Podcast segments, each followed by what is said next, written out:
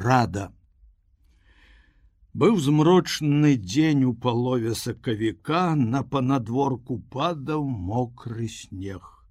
У хаце дядька размаўляў з рыбаком родькам пра лоўлю рыбы, пра гаспадарку ды пра клопаты бедных сялян, якім не будзе чым сёлета сеять, калі палеткі вызваляцца з-пад снегу. Я падчас тае гаворкі думаў пра падарожжа і марыў, што ў чужых краях зусім іншы свет, пякнейшыя краявіды, прыгажэй цвітуць лугі, больш багатыя ўраджаі на палетках і людзі стакроць шчаслівейшыя. Дядька парушыў мой одум, кажучы: Янка доўга гасцяваў у пана Марагоўскага. Бываў і ў іншых дамах заможных наших суседзяў, полюбіў іх ветлівасць, пасябраваў сім тым з маладзёнаў і нібыта назаўсёды з імі развітаўся заўсёды маркотны задуманы і гэтай вясною хоча нас пакінуць, мяркуючы, што дзесьці там у далёкіх краях багацце плыве ракою. Я не шукаю багацця адказую, я хачу пазнаёміцца з думкамі і жыццём людзей у тых далёкіх краях.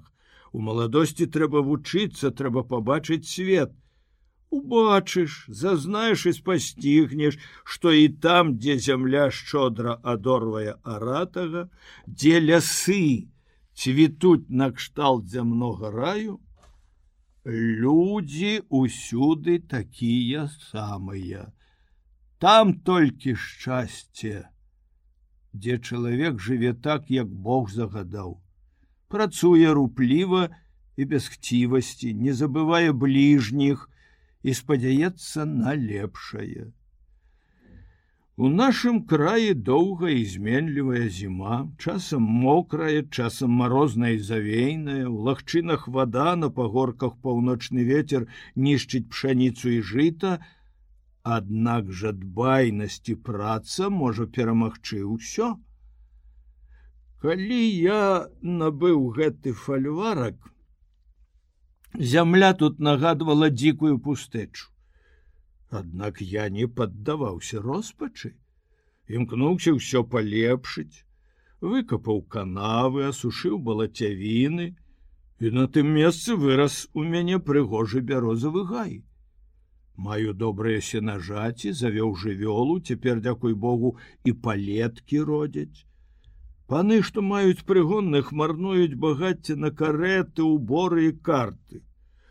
Не раз вясною, калі ім бракуе чаго-небудзь, ідуць да шляхціца завальні. Хто працуе і спадзяецца на Бога, можа і тут быць шчаслівы і спакойны. Я это добра ведаю, дядзечка, але жывучы ў гэтым краі, не чую і не бачу, што дзеецца на свеце, быццам вочы мае заслоненыя. Сумнае такое жыццё. О, что такое навука, ўжо неспакойны. Хочаш яшчэ больш даведацца і летаеш думкамі недзе там далёка, хочаш бачыць вялікі свет і таму цесна табе тут з намі хочаш як птах вырвацца з клеткі родька маўчаў і уважліва слухаў гэтую размову.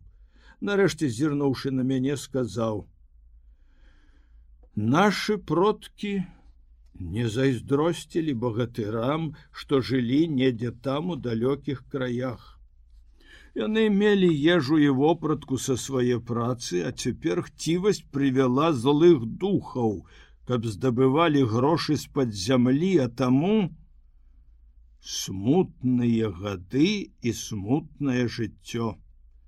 Родьку сказаў я, нязменна мрояцца злыя духі, а ўсё ж таки сам іх не бачыў.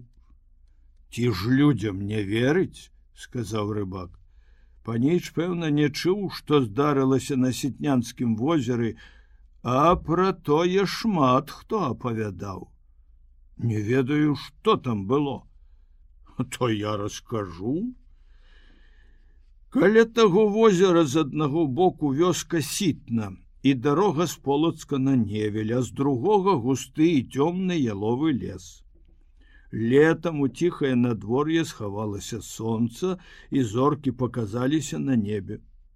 Сяляне вярнуўшыся з поля завіхаліся ля хат і чуюць раптам як нехта за возерам каля самага берага закрыты цёмным лясным гушчаром спявае.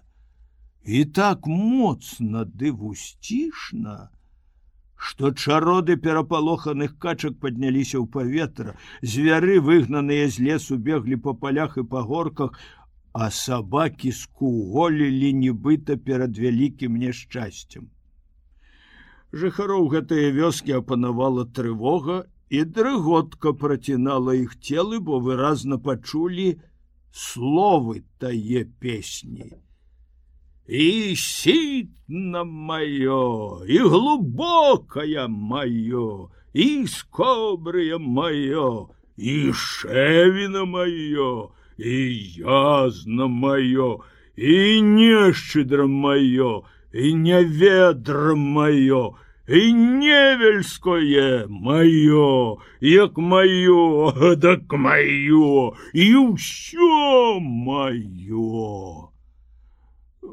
так спяваў нехта не адзін раз з вечара да самае паўночы называючы ў гэтай песні не толькі азёры але і ўсе рэчкі ісці туды каб даведацца хто гэта так жахліва спявае усе баяліся Нарэшце адзін смялейшы рыбак адважыўся.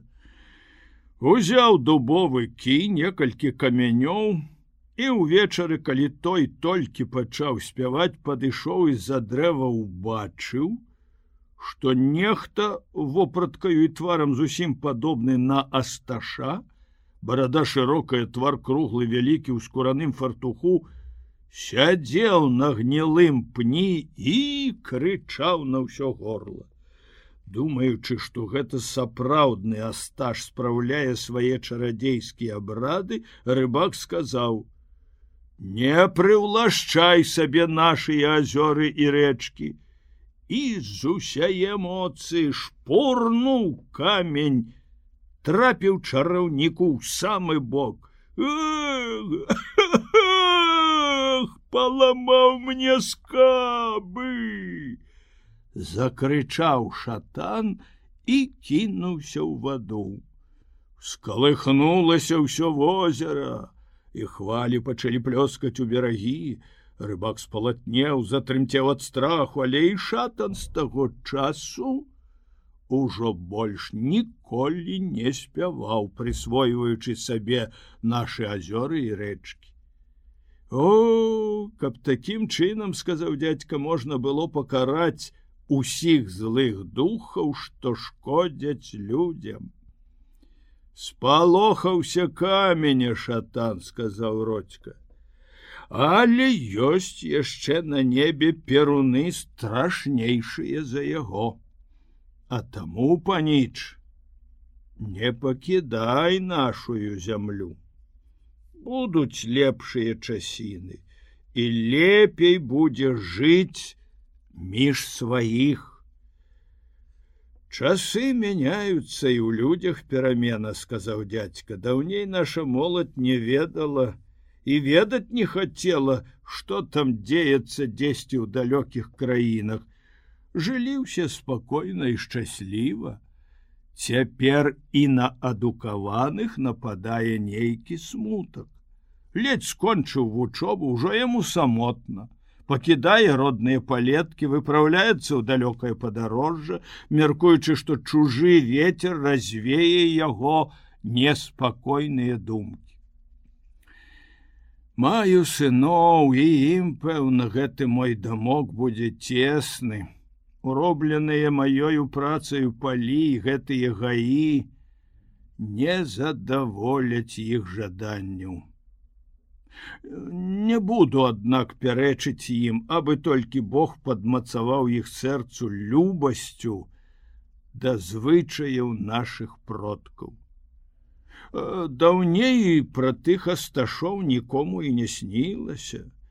А цяпер хутка забяруць у нас зямлю і ваду, так што і нам трэба будзе ўжо уцякаць куды далей. Родька ўздыхнуў, узяў шапку і сетку, якой прынёс рыбу. Спяшаешся да хаты. Аднак яшчэ не так позна, сказаў дядька. Ужо схавалася сонца, неба змрочнае, ноч будзе цёмная, трэба спяшацца. Цяпер вялікі пост, калі зловіш што-небудзь, не забывай на мяне.